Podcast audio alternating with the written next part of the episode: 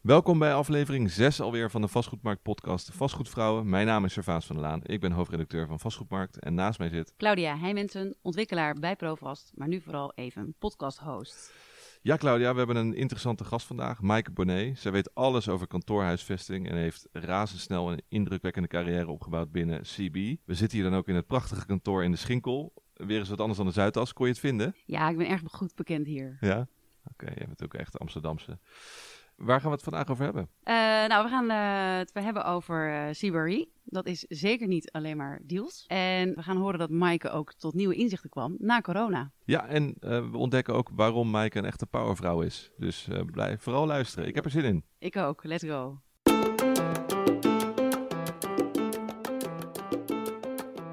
Welkom bij Vastgoedvrouwen. In deze podcast van Vastgoedmarkt leren we de vrouw in commercieel onroerend goed kennen. Hoe bewegen zij zich in een wereld die wordt gedomineerd door mannen in blauwe maatpakken en gesp schoenen? En hoe zijn ze in de wondere wereld van de stenen terechtgekomen? Presentatoren Servaas van der Laan en Claudia Heijmensen duiken de diepte in. In een podcast vol humor, optimisme en een vleugje Hollandse nuchterheid. Ze maakte haar debuut op de Zuidas als facility coordinator bij Houthof, leerde het vak van huisvestingsadviseur bij CB Tak Rietmeijer, groeide als rising star binnen CB door en mag zich tegenwoordig zelfs member of the board noemen, verruilde daardoor intussen wel de Zuidas voor een voormalige parkeergarage in het pittoreske Schinkelgebied. We zijn benieuwd wat ze van die locatie vindt, want als er een dame is in het Nederlands vastgoed die verstand heeft van kantoorlocaties, dan is het wel Maaike Bonnet. Ja, dankjewel. Mooie samenvatting. Ja, klopt het een beetje? Ja, ja klopt zeker. ja. ja. ja. Leuk hier te zijn bij jullie op kantoor, de core. Ja, um, ja ik zei het ook al in de introductie. Uh, je hebt een nieuwe functie, hè? Member of the Board. Ja. Hoe bevalt Je bent nu een paar maanden bezig. Het valt heel goed. Ja? Ja. Het is, uh, het is heel leuk om gewoon nog breder betrokken te zijn bij de hele organisatie. Ja. Omdat je zit in de board natuurlijk niet alleen maar voor je eigen expertise, maar voor het hele bedrijf in Nederland. Ja. En ja, dat vind ik gewoon heel, heel mooi om te doen. Ja. Is het uh, gelijk aanpoten, drukker dan, dan je gewend was? Of...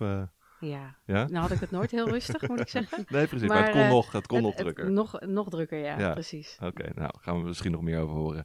Claudia, jij mag het uh, aftrappen met het uh, duivelsdilemma. Duivelse dilemma's.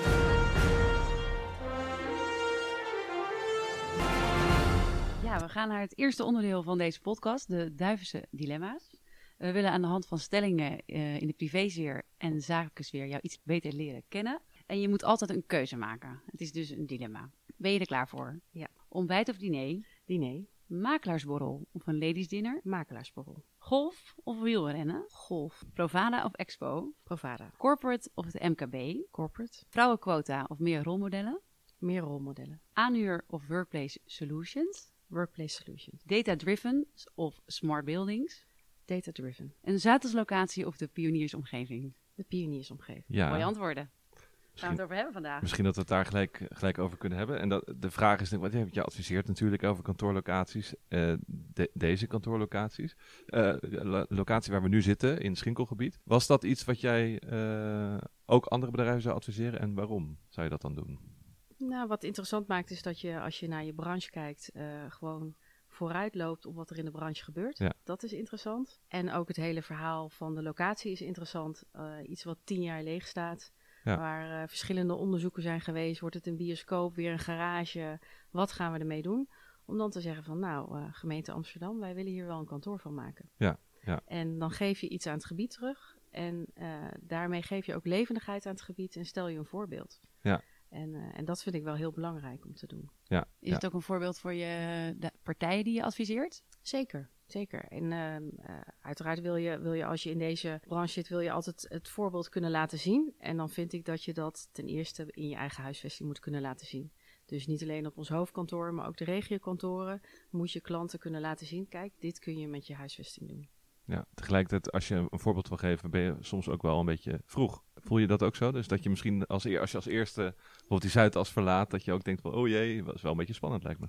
Is spannend, maar ik vind het ook heel erg passend bij CBRE. Ja? Waarom? Net, net, even wat vroeger dan de rest. Ja, oh, even durven, ja. ja? Beetje lef tonen. Beetje lef tonen. Ja. En is dat goed ontvangen door alle medewerkers? Um, ja, hetzelfde eigenlijk als je bij, bij alle projecten ziet. Je ziet, uh, er is een, een, groep die vindt het uh, oké, heeft geen mening. Een groep is super enthousiast en je houdt altijd een klein percentage, heeft zijn bedenkingen. Uh, ja. Op het moment dat je zegt 100% was er helemaal mee eens, nee, Dan krijg je natuurlijk dat krijg je nooit voor elkaar. Nee. En hoe kijk je naar die Zuidas? Want die Zuidas, uh, nou, laten ja, daar moeten we het even over hebben. Hè? Want er stond ja. een heel slecht artikel in het Parool. Ja. Uh, dat, maar iedereen heeft het wel over dat artikel. Dus misschien toch een goed artikel dan. Precies, de maar, transitie van de Zuidas. De kop was, uh, de Zuidas loopt leeg. Ja. Nou, dat vind ik niet waar. Nee. Voor heel stellige zijn, dat is niet zo. Nee. Nee, nee. en ik denk ook, uh, iedereen heeft het erover. Dus het was een mooie kop. Ja, hè? Want dan triggert ja. iedereen om te lezen en erover te praten. Maar dat is zeker niet zo. Nee.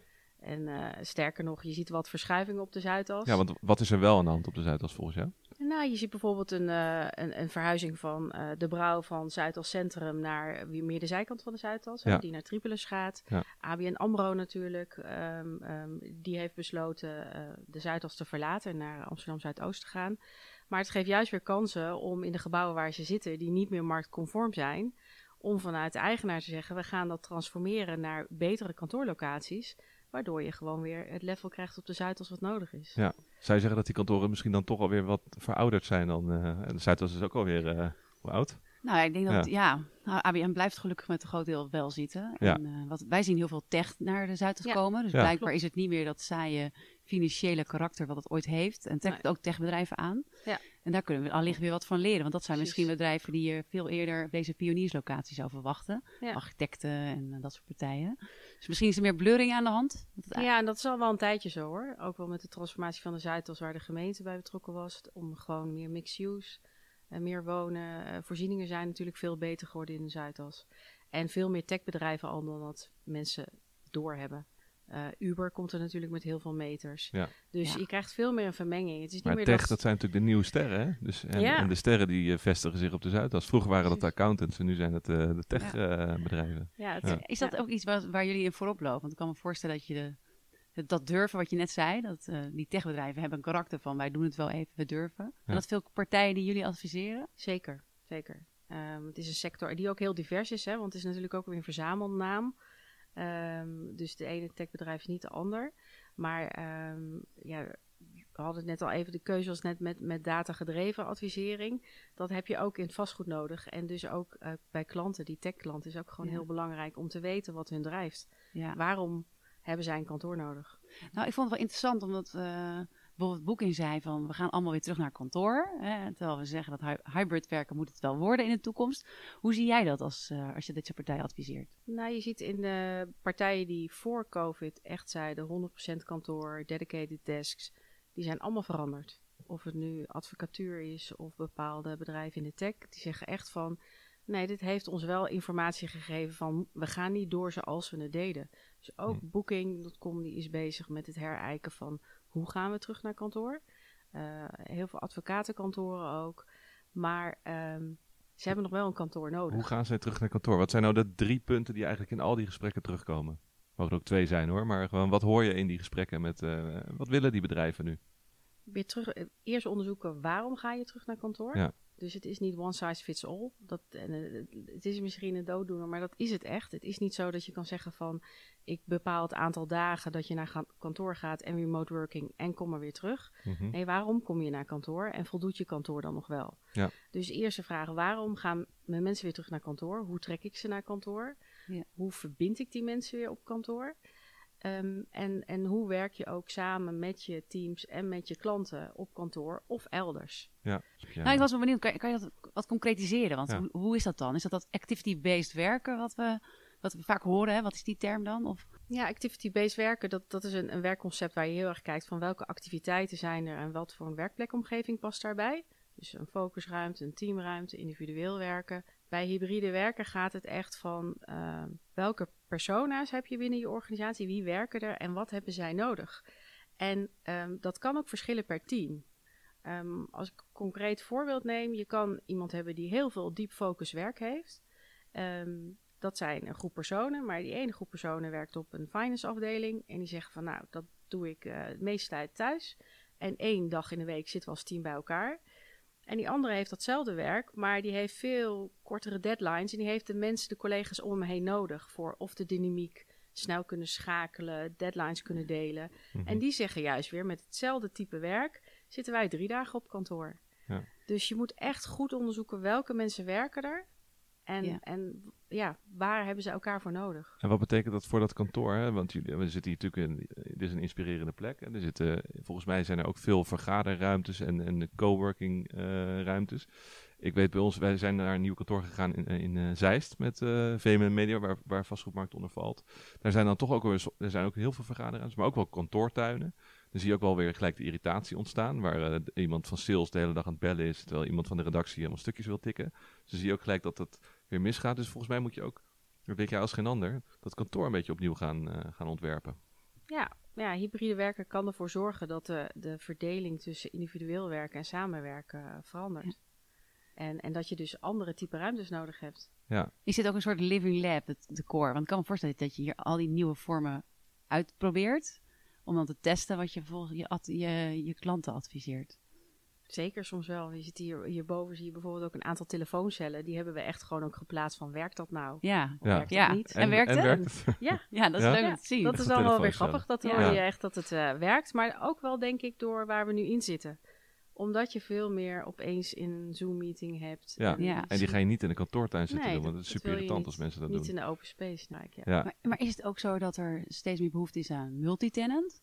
Of zeggen we toch, want jullie zitten hier prachtig single-tenant. Je ziet ook partijen eerder kiezen voor single-tenant. Anderzijds hoor je de transacties tussen de 500 en 1000 zijn echt uh, een overmaat. Hoe zie je dat? Er zijn zeker uh, um, steeds meer toename aan multitenant gebouwen. Um, en, en ja, waar wij zitten, dat is natuurlijk echt een uitzondering dat je een, zo'n pand vindt met ook nog eens zulke grote vloervelden met dit metrage. Maar hiervoor op de Zuidas hebben we ook in een multitenant uh, gebouw gezeten. Mm -hmm. Um, dus dat, dat, zie je, dat zie je zeker steeds meer. Ja, dus de, de, de huurder die tegenwoordig zoekt, die vindt juist liever die multitenant omgeving. Ja, want vooral de voorzieningen in die, in die locatie zijn ook heel belangrijk. Van wat is je flexibiliteit in het pand ook? Hè? Ja. De groeien, krimpen, wat kan uh, het pand dan bieden? Wat zijn de voorzieningen daar als het gaat om hospitality, et cetera? Ja, want hoe kijk je naar mixed use? Hè? Dat is echt binnen uh, zo'n kantoorruimte bijvoorbeeld een mix met wonen of met horeca? Um, dat zie je ook inderdaad steeds meer toenemen. Dan krijg je meer een, een, een soort stad in een stad. Hè? Ja. Hele enorme ontwikkelingen waar echt, uh, echt Geloof je daarin? werken. Zeker, ik denk dat dat soort locaties in de toekomst steeds meer ja. zullen komen. Ik zou denk ik niet in hetzelfde gebouw willen werken waar ik woon. Maar dat is persoonlijk misschien. Dat altijd klein Ook door het afgelopen jaar klein misschien beetje, een beetje ja, ervaren. In ieder geval een klein beetje reistijd, toch? Precies. Dat is toch wel weer lekker. ja, dat is ook ja. weer lekker, toch? Ja.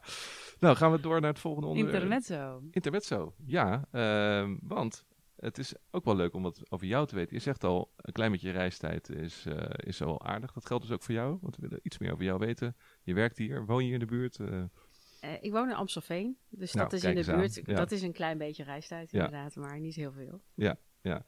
Uh, wat we eigenlijk willen weten is namelijk, uh, ja, hier staat op mijn papiertje, ik ga het gewoon voorlezen. Hoe ben je in de wonderenwereld van het vastgoed terechtgekomen eigenlijk? Nou, dat kwam doordat ik uh, bij mijn baan bij advocatenkantoor ja. Ehm, werd toen besloten om naar de ITO-toren op de Zuidas te gaan. Dus ik heb dat hele proces meegemaakt als een van de eerste huurders daar met de bouw van het ITO en de verhuizing daar naartoe. Ja, want even voor de luisteraar, je werkt bij Houthof. Wat, wat ja. deed je daar precies? Uh, bij de facilitaire afdeling, dat is ook mijn achtergrond, facility management. Ja. Um, maar ik, ik kon dus ruiken aan een uh, heel mooi huisvestingsproject. Ja. Uh, met nog twee andere locaties van Houthof waar toen aanpassingen waren. En toen waren we eenmaal verhuisd naar het ITO en zat ik daar op de Zuidas. Ging ik naar mijn reguliere functie terug. Uh, na twee, drie jaar een, een bouwproject te hebben gehad. En toen dacht ik van, hmm, dat, dat was toch veel leuker. Ja.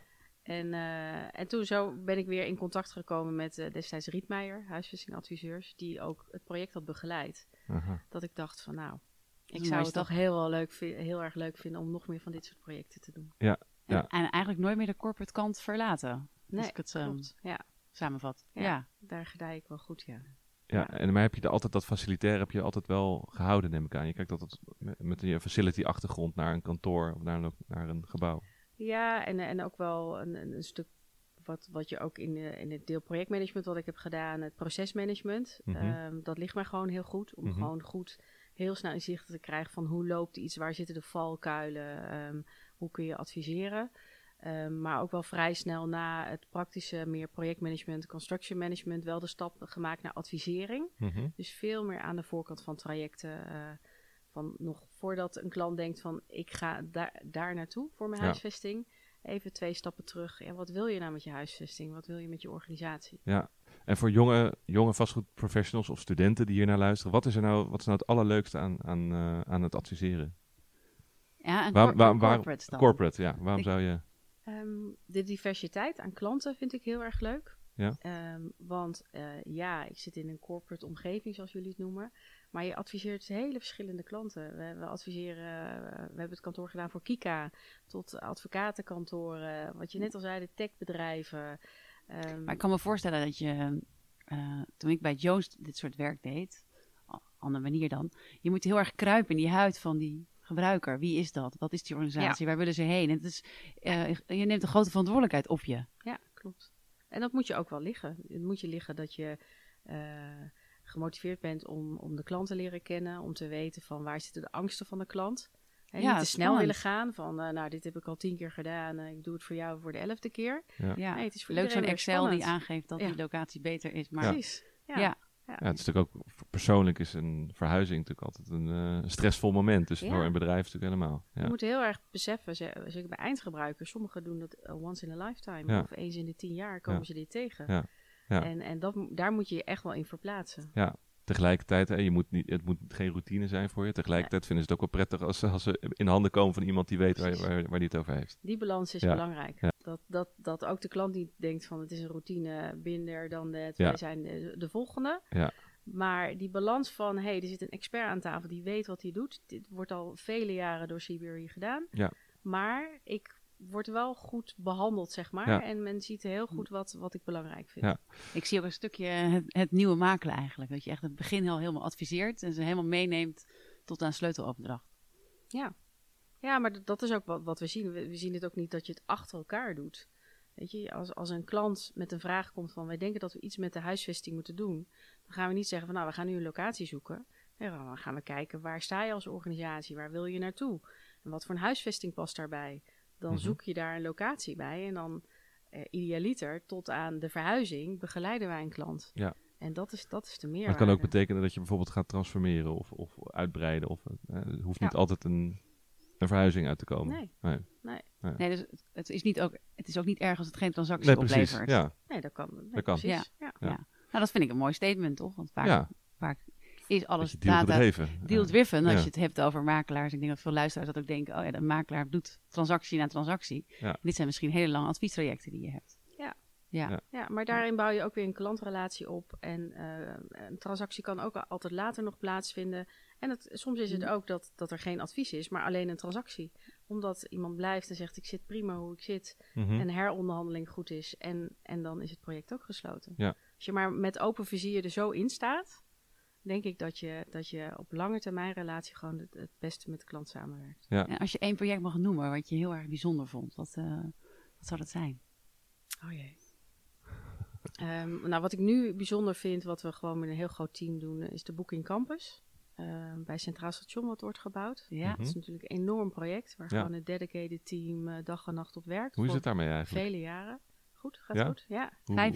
25.000 meter. Ja, dat is gigantisch. 60.000. 60.000, oh sorry. 60. ja. Oh my god, ja. ja. Mega. Dus dat is, dat is mega natuurlijk ja. daar, uh, daarachter uh, op het water. Maar dat is niet alleen werken, dan hebben we het echt over een soort campus waar ook geslapen wordt? Is dat Kunnen medewerkers ja. daar wonen? Nee, nee, nee, dat niet. Nee, het is, het niet. Het, daar komen alle mensen wel te werken. Dus ze hebben nu natuurlijk uh, iets tussen de 13 en 16 locaties in, uh, in Amsterdam Centrum. Ja. Dus dat gaat naar één locatie. Ja. Um, en iedereen wordt er samengebracht. Het moet echt het, het booking hard worden, zeg maar. Ja, ja. En hoe zorg je dat je iets wat je nu bedenkt over bij oplevering dan nog steeds voldoet aan die huidige vraag? Dat betekent gewoon heel veel, heel veel onderzoek. En uh, wat in dat soort projecten ook zien, is dat er ook pilots worden gedraaid. Om gewoon echt te testen van, nou ja, je kan theoretisch iets bedenken. En, en onderzoeken, adviseren, bedenken, maar daarna in de praktijk ook kijken of het werkt.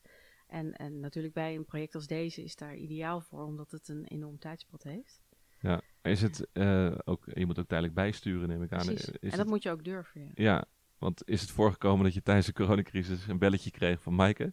We gaan het helemaal anders doen. Of, of dat is overdreven, maar ik kan me voorstellen dat ze tot nieuwe inzichten zijn gekomen. Zeker. Ja. En we hebben sommige klanten er ook op gewezen. Ja, en dat nou, jij beste ook. klant, ja. dit, dit was het advies. kijk, wij konden ook niet voorzien een pandemie. En, ja, ja, dus je komt terug op je eigen advies eigenlijk. Ja, ja. Ja, ja. Kan je een dingetje noemen waar je dan echt nu anders over nadenkt dan voorheen? Nou, we hebben klanten die echt heel bewust ervoor hebben gekozen om een kantoor ehm, niet flexibel te gebruiken. Dus iedereen dedicated desks.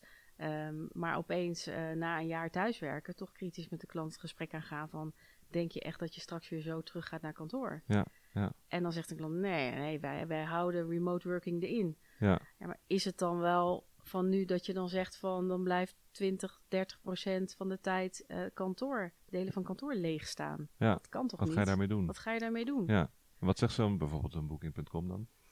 Ja, de boeking, uh, er zit dat percentage niet, maar bijvoorbeeld hm. andere klanten hm. wel. Um, nou, laten we het gaan onderzoeken. Wat is jullie advies? En dan gaan we dat onderzoeken. En dan, en dan gaan we kijken wat past bij jullie. En, en op het moment dat je dan um, gaat kijken van hoe ziet je kantoor eruit, hoe moet je het aanpassen en hou je misschien wel meters over, ja. dan geef je dat een andere bestemming als, als huurder. En, en welke mogelijkheden geeft het je? Of betekent dat dat je dan minder meters gaat aanhuren misschien? Dat kan ook, maar heel veel hebben natuurlijk die meters gewoon al aangehuurd. Hebben ze al, ja. Dus wat ga je ermee doen? Nee, want eh, er was een, laatst een onderzoek van een stekgroep uh, waaruit bleek... Uh, was dat een stekgroep of uh, planbureau voor de leefomgeving? Nou, doet ze verder niet toe. Daarin stond dat eigenlijk na anderhalf jaar corona waar we nu in zitten... de conclusie is, er zijn niet per definitie minder meters nodig... maar ja, meer kwalitatieve meters. Dus onderschrijf jij dat, die conclusie? Ja. Ja. Het, is niet, het is niet die makkelijke rekensom van zoveel dagen remote, dus dan gaat er even 40% van mijn kantoor af, dus dat kan ik afstoten. Ja. Dat is het echt niet. Nee. Het is hoe ga je je kantoor gebruiken?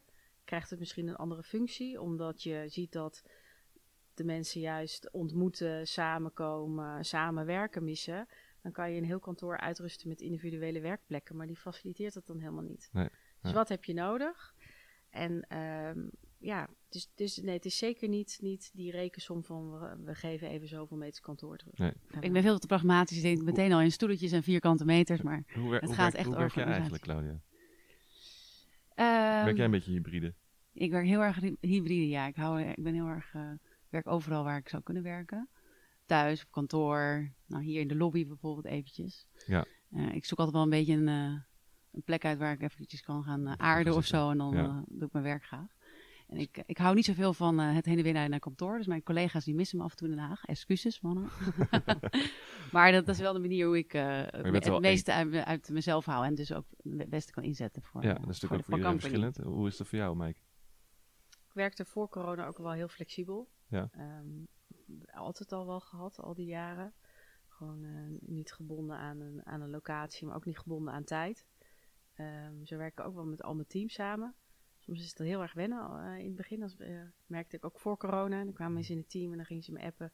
Ik moet nog even naar de tandarts en ik ben tien minuten later. En dan denk ik echt, joh, doe je ding. Ja, dat kan mij het schelen. Ja. Als, je ja, maar op, als je maar op tijd bent op de afspraken die je zelf hebt gemaakt en je output goed is, dan uh, hoef je mij niet te vertellen waar, waar je wanneer bent. Ja, dat is wel de, grote ontdekking van bedrijven. Dat uh, mensen gewoon toch ook leveren als je ze niet ziet. Hè? Dus, Precies, uh, ja. Uh, een mooie vorm van leiding geven. Ja, ja, ja. loslaten. loslaten. Ja.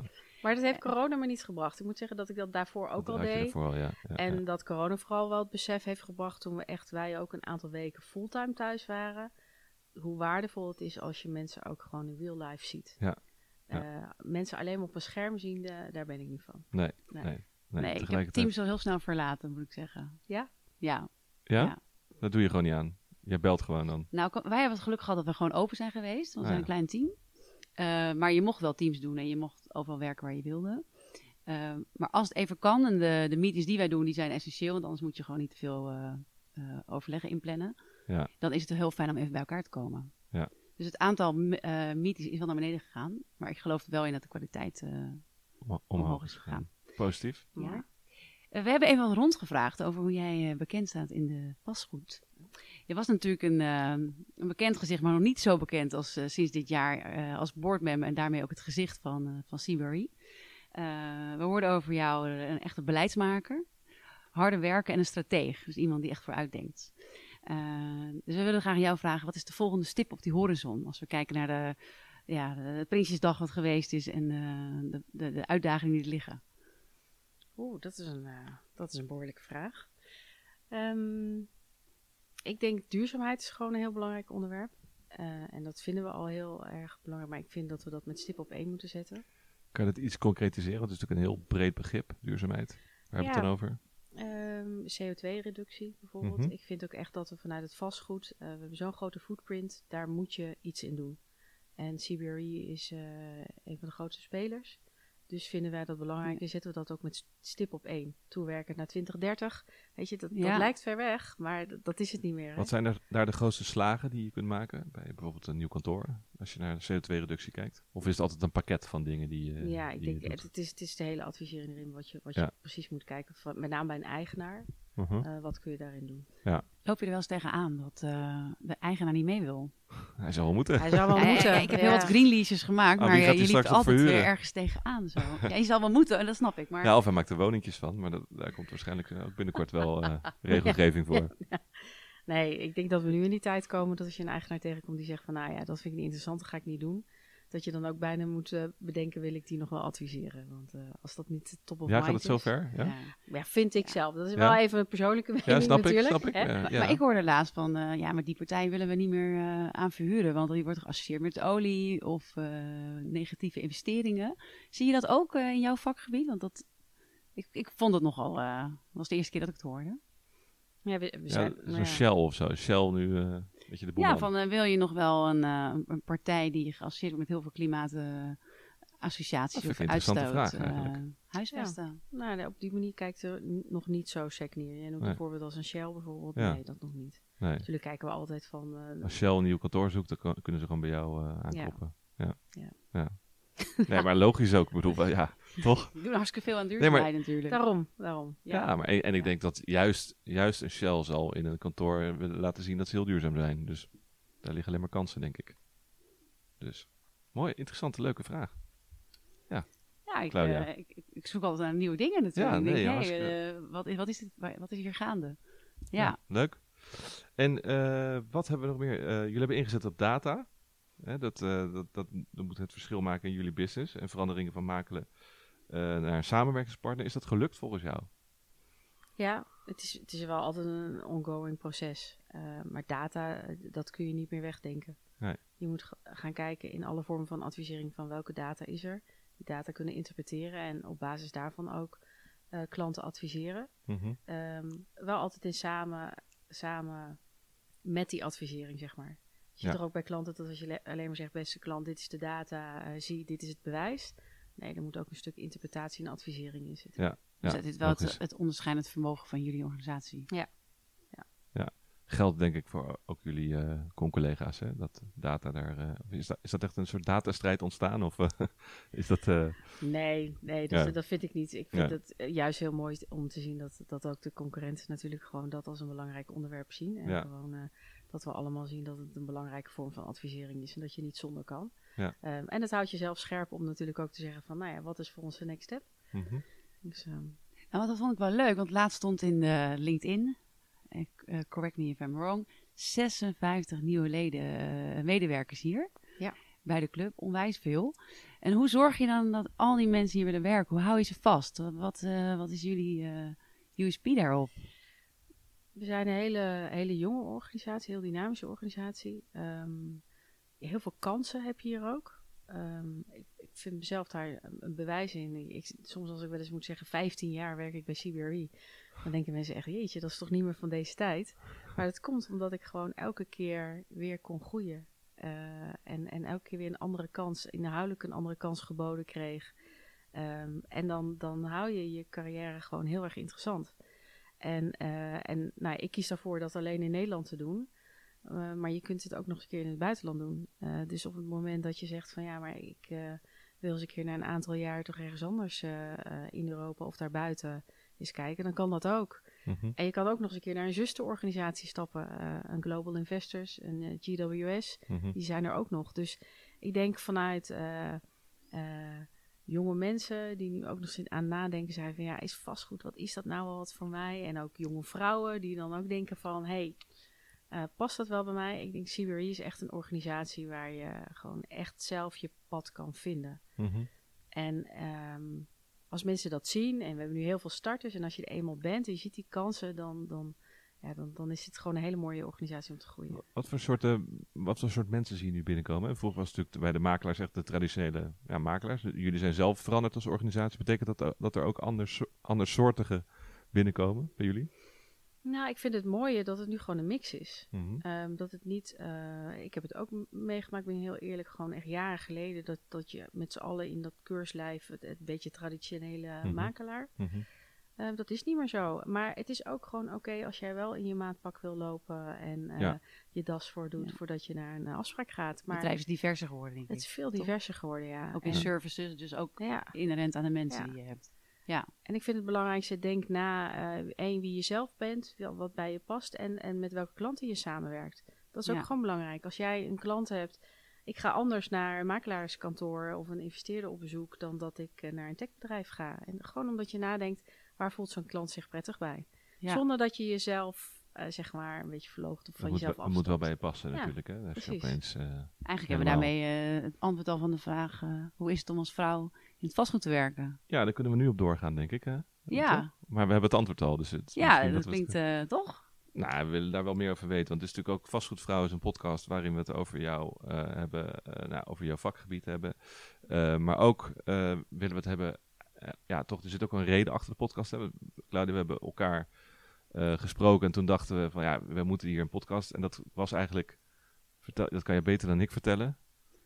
Eh, nou, jij had het initiatief van de vastgoedpodcast, Ja. eh vastgoedvrouwen. Eh, maar ik hou heel erg van rolmodellen en zichtbaarheid helpt daar ontzettend bij. En je laten inspireren, niet alleen door een website of op een bedrijvendag, maar echt wat meer informatie leren, ja, iemand leren kennen en daarmee meer inzage krijgen in het bedrijf. Dus vandaar wat jij net schetst, is het gewoon heel fijn, denk ik, voor dames in het Ja. vastgoed om dat te zien. Ja. Eh, en het is gewoon laten zien wie jij bent en wat jij doet en wat jouw steentje is die jij bijdraagt aan deze mooie sector. Ja, en het, probleem, dat, het probleem dat werd geschetst was toch dat vastgoed lange tijd een, toch een mannenwereld eh, was en is nog wel een beetje. Hoe, is het, hoe heb jij dat ervaren? Je, je zegt, u werkt al 15 jaar bij een makelaarskantoor. Hoe, hoe is dat voor jou? ik, ik heb daardoor de verandering gezien. En eh, ik wil helemaal niet hier het promotiepraatje houden dat we er al zijn, want het is niet, niet zo. Mhm. Weet je, dit, het is eh, best nog wel een, een mannenwereld en daar moet je je ook in thuis voelen, ook als vrouw. Ehm, maar dat, de kansen heb je er wel. En, eh, In welke opzicht is een mannenwereld? Hoe merk je dat? Ja, mis- misschien eerst, ten eerste door het aantal mannen, Ja. misschien soms hè. Gewoon heel, heel concreet. Alleen maar mannen hier op de vloer. Eh, Uh, sofa's. Heb weet, je wel weet, je, weet je rondgekeken? de verhouding hier? Nee, nee, die weet ik niet. Nee, Nee. ik weet wel de gemiddelde leeftijd, die eh, hoorde ik laatst weer, dus eh 34. Oh, Dat is eh, best wel laag. dat is eh, jong, Doe- ja. Ik doe goed mee. Ja. ja, jij zou eh, hier goed in passen. Maar ehm, nee, maar oké. eh, dus, maar je zei toen je, begin, toen je binnenkwam was het nog, eh, nou ja, Nog wel wat meer, maar dat Nog kwam meer. ook omdat het toen... eh, Kijk, dat is al heel lang geleden alweer. Als je het over 15 jaar of eh, 10, 15 jaar hebt, dan ja was er gewoon nog wat, wat, wat meer een, een, een cultuur inderdaad. voor, de, eh. voor de crisis. Was Rietmeijer ook anders dan? Ja, to- toen, eh, toen kwam het dat, dat uh, heel erg de, de weg in was geslagen in verbreding van, van de dienstverlening en dus advisering. En dan krijg je gewoon, als ik het heel plat zeg, een samenvoeging van, van makelaars en advisering. En, en ik zat bij het deel van advisering met projectmanagement, interieurarchitecten, Ja. technische adviseurs. Dus inherent meer vrouwen. Ja, ja, En, Ja. en gewoon ander, ander types. Wij werkten toen bijvoorbeeld al flexibel, geen eigen desks. eh, continu vloog je in en uit. En eh, versus eh, van 9 tot 5 op kantoor zijn. Ja, en dat heeft wel toegebracht dat we als CBRE verder zijn gegroeid naar wat we nu zijn. Ja. En dat is het mooie. En, en kansen als vrouw zijn er, zijn er zeker. Mhm. Maar ik zag, ik zag ja? ook dat jullie een, eh, een women's network hebben, eh, wereldwijd. Dat vind jij leuk natuurlijk. Toch? Nou ja, ik van. ben lid van DeWire. Ja. Het is leuk om uh, gelijkgestemden te ontmoeten. Ja. Uh, wat, wat heeft dat voor jou gebracht? Nou, de, de connectie met name. Uh, de connectie met, met andere, andere collega's. Uh, binnen Seabury, in Nederland ook al wel. Merk je toch wel dat dat automatisch heb je dan... Heb je daar toch wel met elkaar over? Uh, ik vind Irene Vlotman bijvoorbeeld in ons bestuur... vind ik daar ook een voorbeeld van. Van echt gewoon een powervrouw die, uh, die hier zich staande houdt. Ja, leuk. Uh, en ja, laatst hadden we um, tijdens de Internationale Vrouwendag... Uh, dat je toch met elkaar bezig bent met quotes. En internationaal komt dat zo samen. Uh, het, ja, ik vind dat dat geeft je weer wat dat je denkt van, nou, het is toch wel gaaf dat we dat allemaal hier hebben binnen het bedrijf. Je, je noemt Irene een powervrouw. Vind je jezelf ook een powervrouw? Ja. Ja? Eigenlijk wel. Ja? ja. En waarom, waar, waar blijkt dat uit? Waarom, waarom vind je jezelf een powervrouw? ik sta ergens echt voor. Ik sta echt voor, voor uh, de mensen uh, binnen dit bedrijf en om dingen te bereiken en voor de klanten. Um, ik, ik hou dat, dat goed in balans met, met privé. Um, ik, heb, ik heb bepaalde doelen en daar streef ik ook naar. En daar, mm -hmm. dat, dat, dat, dat, ja, ja. Dat, daar hou ik, haal ik ook mijn energie uit. Ja. Dus um, ik laat niet het kaas van mijn brood eten, zeg nee, maar. Dat, is, nee. uh, dat horen wij ook wel vaak. Je moet wel een beetje uh, je niet gek laten maken ja. als vastgoedvrouw. En dat, uh, dat, dat, dat, doe jij denk ik ook. Ja, ja en het is uh, wat eigenlijk elke podcast weer terugkomt, is het Pippi Lankhuis verhaal. dus dat je inderdaad, jij zegt het niet het kaas van het brood laat eten, maar dat geldt voor mannen en vrouwen. Dat je gewoon, ja. als een project voorbij komt, denk je gewoon, let's go, doe het. Ja. ik leer wel onderweg en niet van tevoren denken van, nou, kan ik dat wel, laat iemand anders het maar doen. Ja, dat is inderdaad niet, niet gelinkt aan alleen vrouwen. Je nee. moet, moet gewoon denken van echt, echt overtuig jezelf van ik weet waar ik voor sta. En Ja. als je die de laatste 30% nog niet weet, Ja. spring erin en dan leer je het onderweg. Leer je het onderweg wel. Ja. Ja. Maar je zegt tegelijkertijd, zijn we er nog niet helemaal? Wat zou er nog verbeterd kunnen worden als het gaat om vrouwen, man, vrouwen? Nou, meer vrouwen natuurlijk sowieso in aantallen, maar Ik zou er- meer de vrouwen willen stimuleren van geloof erin en eh, stap naar voren soms. ja? Ja, en dat, dat zie je nu al veel meer gebeuren. Ik vind het ook eh, mooi eh, bij eh, een wat meer transactiegedreven teams, die ook een aantal sterke collega's opstaan, die, Mhm. eh, die ook in town halls of in eh, webinars eh, gewoon echt een, een stem hebben. En ik Ja. denk van nou, als, als ze meer denken van ja, dat kan ik ook en dat wil ik ook, dat zou mooi zijn. Dus meer geluid, meer, meer laten Ja. zien van jezelf en, en inhoud. Dan komen we gelijk bij de tips, denk Leuke, ik. hè? leuke levensles hier. Ja. Ja, zeker. Ja. Ja. Want we, hebben een, we weten eigenlijk niet zo goed wat eh, onze doelgroep is. Uh, Servaas, kun je dat zeggen? Podcast 6 hier. Wat is eh, gemiddelde luisteraar? Eh, nou, wel heel divers. We krijgen, op, eh, we krijgen reacties van heel veel soorten. We weten dat er ook heel veel mannen luisteren. Dus eh, het zijn zeker niet alleen maar vrouwen. Eh, we merken sowieso dat die goed beluisterd wordt.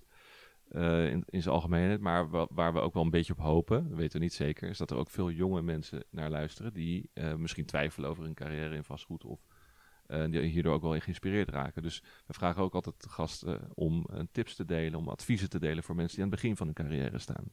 Wat zou jouw eh, number one tip zijn? onderzoek het vastgoed heel goed en, en doe niet de aanname van het is alleen maar makelaardij of transactie. Er zijn zoveel mogelijkheden.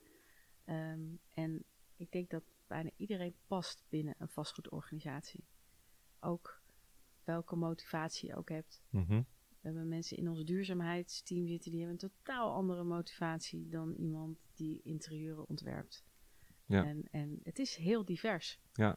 Dus sta je niet blind op makelaars, hè, een paar keer het woord al gevallen, of Ja. vastgoedadviseur. Ja, Maar het, het is heel breed, heel ja divers. vastgoed heeft natuurlijk eh, bij het, al, bij het brede publiek wel nog een slechte naam. Hè? En inderdaad ook een vrij beperkt beeld eh, Ja. dat, dat er is.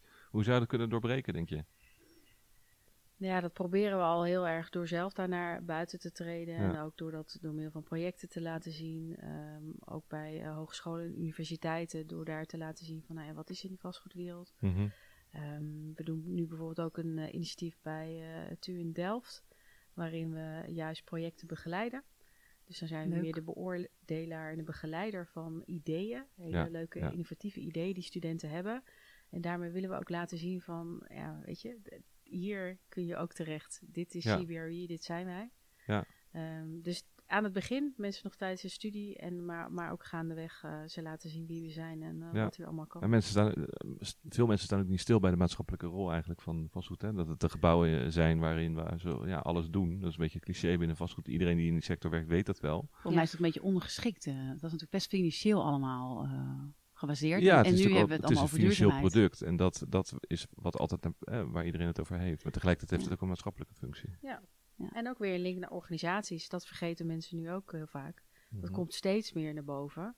Dat je veel moet kijken van wat voor een organisatie is het, wie werken daar Ja. en hoe kan vastgoed en een kantoorlocatie daarbij helpen. Mhm. Dus je opeens krijgen we ook mensen in, in teams die veel meer kijken naar gedrag en organisaties. De Dus psychologen worden aangetrokken. Ja. Ja. ja. dat is toch interessant? Dus Ja, oh nee, psychologen absoluut. die luisteren, Ja, je kan ja. het vastgoed in. Precies. Nou, we rijden er elke dag met elkaar doorheen natuurlijk. Zo is dat. We gaan naar het volgende onderdeel van deze vrouwenpodcast, vastgoedvrouwenpodcast. Eh de vraag van de vorige vastgoedvrouw. Eh, wij zaten vorige keer met eh, Marja Appelman aan tafel, directeur woningbouw van het ministerie eh Binnenlandse Zaken. En zij heeft een carrière volledig in de, bij de overheid, bij de ministeries. En zij vroeg zich af of jij als zaken, het bedrijfsleven, met, met jouw staat van diensten ook jouw kennis en kunde zou willen inzetten voor de maatschappij. Zeker. Ehm, en daarbij als nieuwsering wel vanuit een rol dat ik bij een corporate zit. Dus het is niet dat ik een carrière switch overweeg. Nee, zeg dat, nooit nooit. Dat ambieer je niet. Dat ambieer ik niet. Nee. Nee. Waarom niet? Ja, ik gedij hier gewoon wel heel erg goed. Ja? Ja. Hoe komt dat? Eh, de snelheid, Ja? eh, het lef en het ondernemerschap, dat, dat, dat past bij mij. Ja. Eh, Ik denk dat dat, dat heel- kunnen zij wel hebben gaan gebruiken daar bij, ja, het dan- dan, moet je, ministerie. dan moet je juist naar het ministerie. Ah, ze zit op de, ja, te wachten. Maaike. Ja, Ja, precies. precies. Precies. Ja, dat eh, klinkt goed. Het RVB heeft genoeg vastgoed in dat opzicht. Ja. Zeker. Dus, eh, eh, en nou, op jouw beurt mag jij ook een vraag stellen aan onze volgende vastgoedvrouw aan tafel. Ehm, eh, onze volgende vastgoedvrouw is Martine Groeneman. Martine is directeur ontwikkeling bij Zadelhof. eh, werkt onder andere aan de herontwikkeling van het Slotervaartziekenhuis hier eh, op Steenworp afstand. En ze was daarvoor het commerciële gezicht van GNS Vastgoed. Wat zou je haar willen vragen?